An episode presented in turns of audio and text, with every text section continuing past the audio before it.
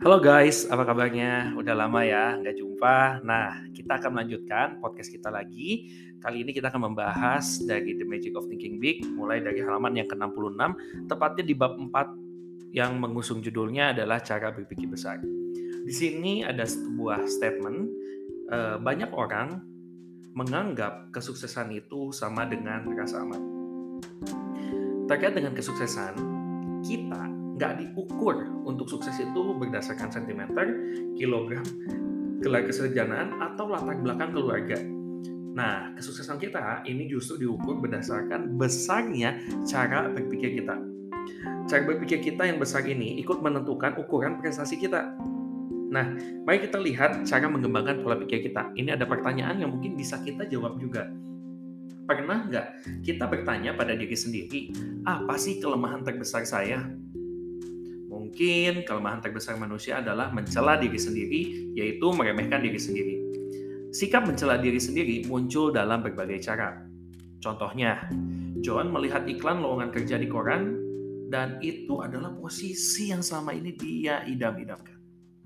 Tapi ia batal mengirim surat lamaran ke sana. Karena ia berpikir, saya nggak layak mengisi jabatan itu. Jadi, mengapa harus melamar? Ada lagi Jim yang ingin berkencan dengan Joan, tapi Jim gak jadi menelponnya karena ia merasa dirinya gak pantas berkencan dengan Joan.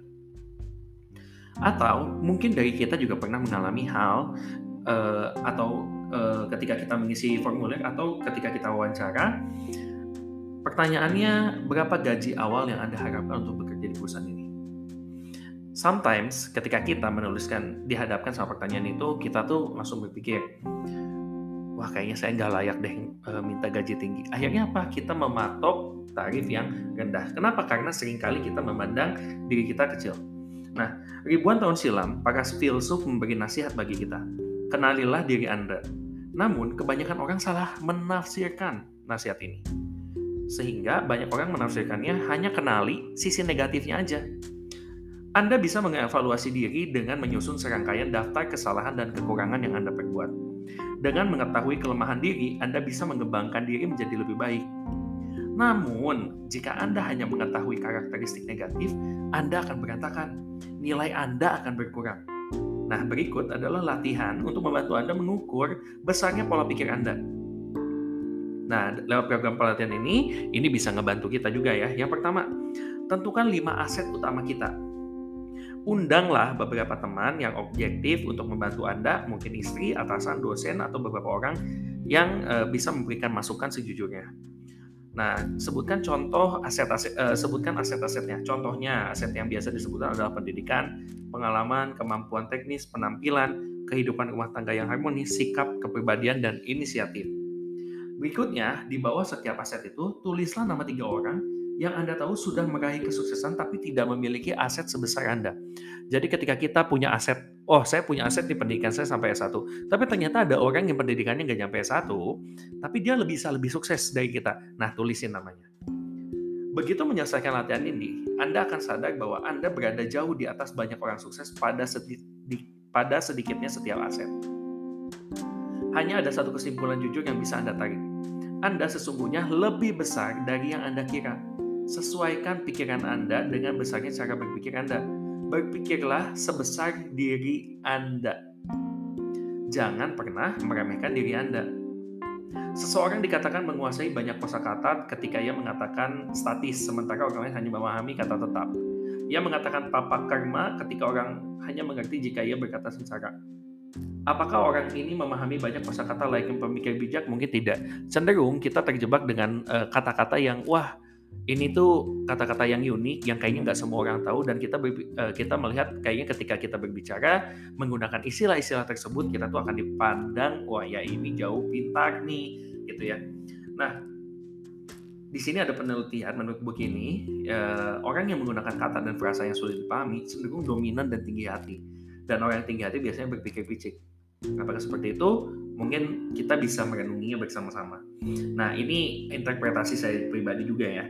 Nah, namun satu-satunya yang penting dalam penguasaan kosakata adalah kesan yang ditimbulkan dari ucapan seseorang terhadap pola pikirnya dan orang lain.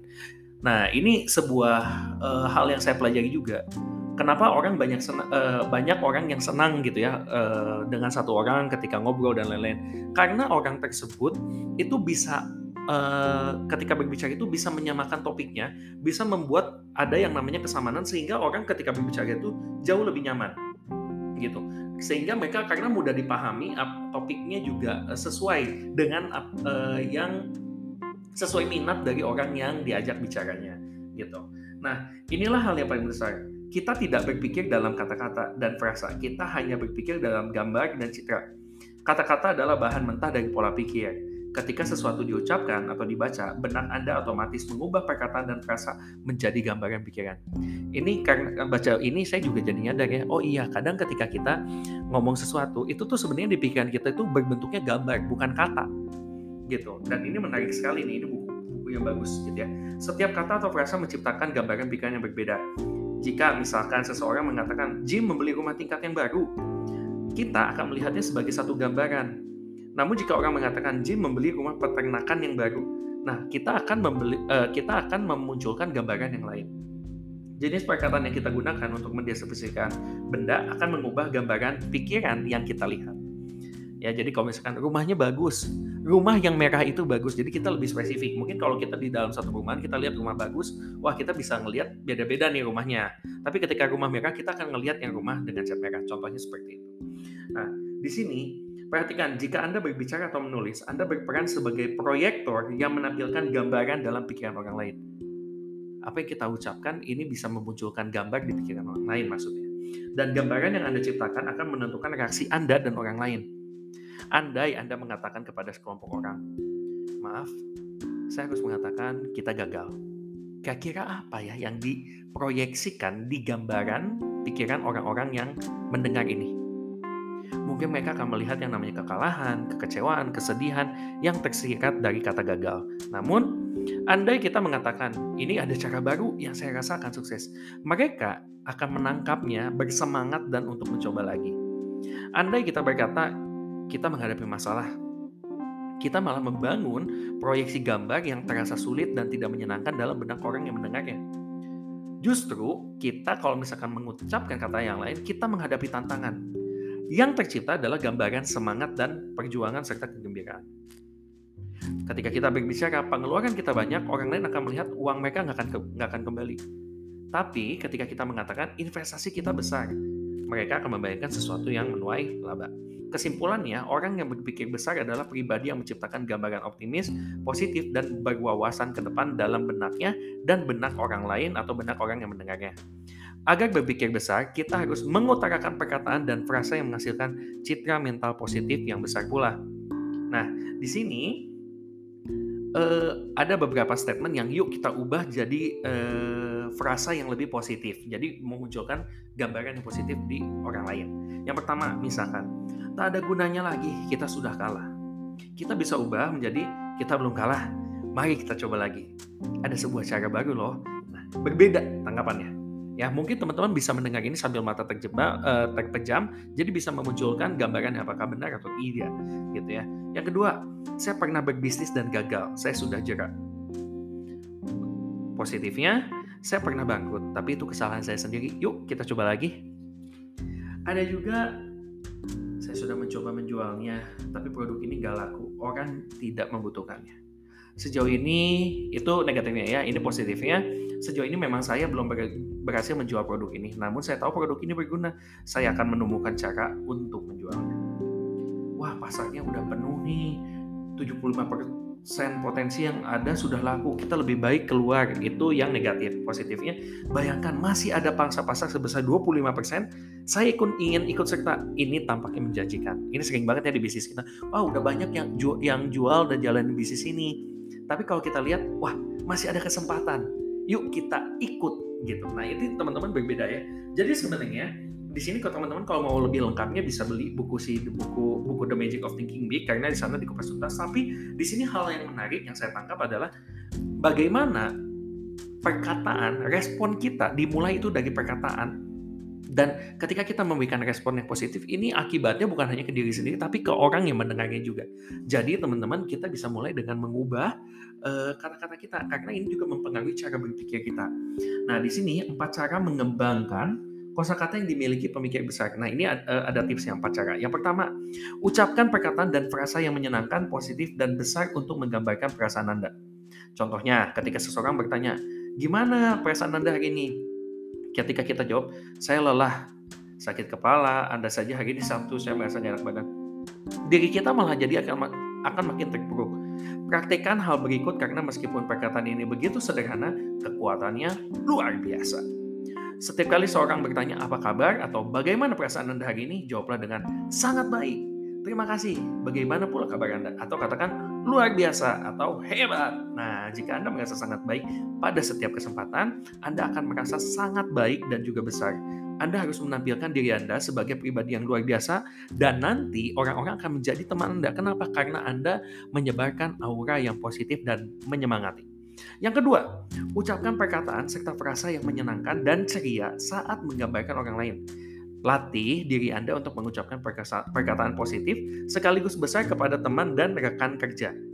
Ketika Anda dan teman Anda tengah membicarakan orang ketiga yang tidak hadir di sana, pastikan Anda memuji pihak ketiga itu dengan perkataan dan frasa seperti "ia orang hebat". Mereka bilang ia bekerja sangat baik. Jangan pernah mengucapkan perkataan yang menyakitkan hati. Gitu. Ya, yang ketiga, ucapkan bahasa positif untuk membesarkan hati orang lain. Pujilah orang lain setiap ada kesempatan. Bisa dimulai dengan hal-hal yang kecil ya, teman-teman. Setiap orang yang Anda kenal selalu rindu akan pujian. Uh, menarik ya. Setiap orang yang Anda kenal selalu rindu akan pujian. Ucapkan perkataan yang menyenangkan hati istri atau suami Anda setiap pagi. Perhatikan dan pujilah orang lain yang bekerja untuk Anda. Pujian jika diutarakan dengan tulus akan menjadi alat kesuksesan ucapkanlah. Terus ucapkan pujian Anda dapat memuji orang berdasarkan penampilannya, pekerjaannya, prestasinya, dan keluarganya, atau kita bisa lihat uh, dari hal-hal yang ada di sekitarnya. Yang keempat, ucapkan perkataan positif untuk menyampaikan rencana bagi orang lain. Seseorang akan bersemangat ketika ia mendengar pernyataan seperti ada berita baik, kita menemukan peluang emas. Namun ketika ia mendengar perkataan seperti suka atau tidak, kita harus melakukannya. Gambaran pikirannya akan memantik rasa jemu gitu. Janjikan kemenangan dan saksikan mata yang bersinar. Janjikan kemenangan dan raihlah dukungan. Bangunlah istana bukan gubuk. Nah, perhatikan kemungkinan yang bisa terjadi bukan keadaan saat ini. Jadi kita harus berpikir kemungkinan-kemungkinan apa saja yang bisa terjadi, bukan hanya kemungkinan yang terjadi saat ini. Nah, pemikir besar melatih dirinya untuk memperhatikan kemungkinan yang akan terjadi, bukan pada kondisi saat ini. Empat contoh yang menggambarkannya. Yang pertama, apakah yang memberi nilai lebih pada bisnis properti? Nah, ini contoh ya. Apakah yang memberi nilai lebih pada bisnis properti? Contohnya gini. Ketika ada orang ya di sini ceritanya adalah seseorang yang uh, dia mau menawarkan properti yang dijual dan uh, banyak yang menawarinnya tuh wah ini tempatnya tuh kumuh, nihil gak ada peluang gitu ya, ini jauh dari mana-mana gitu ya. Itu malah membuat orang tuh jadi nggak mau beli gitu tapi kalau misalkan dia bisa melihat peluangnya gitu ya, wah ini tanah itu terletak di pusat kota. Ya, di sini ini ada tindakan yang bisa kita lakukan dengan tanah ini. Nah, jadi kita saya udah mempelajari lokasinya, kira-kira apa yang bisa dihasilkan tanah ini, ada tiga peluang, disebut plan-plannya. Nah, ini membuat orang menjadi lebih tertarik. Ya, teman-teman, ini hasil interpretasi saya. Kalau teman-teman mau lebih jelas juga silahkan untuk beli bukunya ya, The Magic of Thinking Big dari David J. Schwartz ya. Nah, di sini anda harus memperhatikan segalanya bukan dari penampilannya saja, melainkan juga kemungkinan yang bisa terjadi.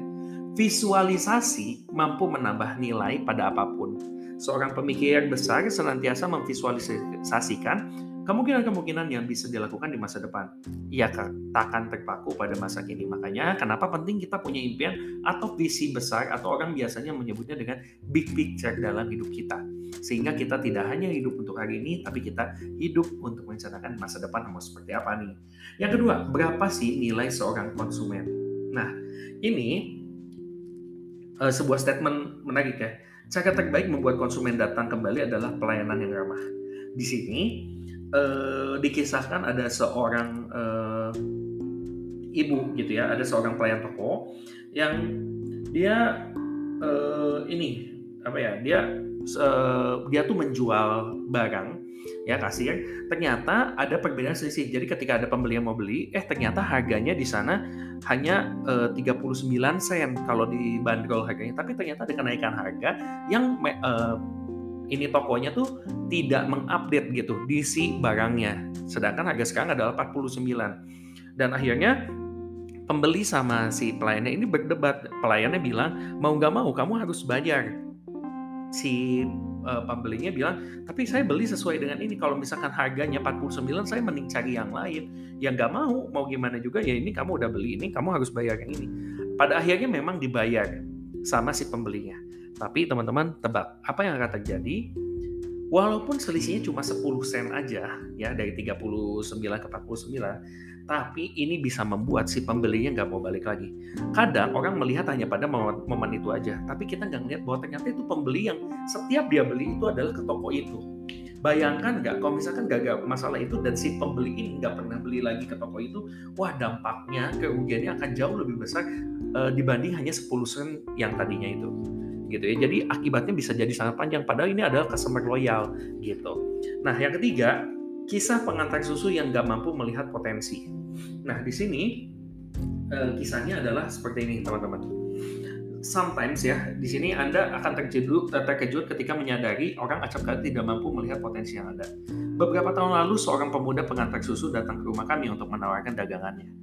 Saya jelaskan kepadanya bahwa saya sudah berlangganan susu di tempat lain dan cukup puas dengan pelayanannya. Saya menganjurkan pemuda itu menawarkan dagangannya ke tetangga saya dan berbicara dengan si pemilik rumah. Tapi ternyata responnya, saya sudah ke sana dan berbicara dengan nyonya rumah, tapi mereka hanya membeli seliter susu setiap dua hari, jadi tidak ada gunanya saya bu buat saya untuk mampir. Saya berkata kepada dia, mungkin saja, namun ketika Anda berbincang dengan tetangga kami itu, tidakkah Anda tahu permintaan susu di rumah ini akan meningkat sebulan lagi? Ada bayi yang akan lahir dan mengkonsumsi banyak susu. Pemuda itu tercengang sejenak lalu berkata bagaimana saya tidak melihat peluang itu. Kini keluarga yang di sebelahnya itu, tetangganya itu yang mengkonsumsi seliter susu tersebut membeli 7 liter setiap dua hari dari seorang pengantar susu lain.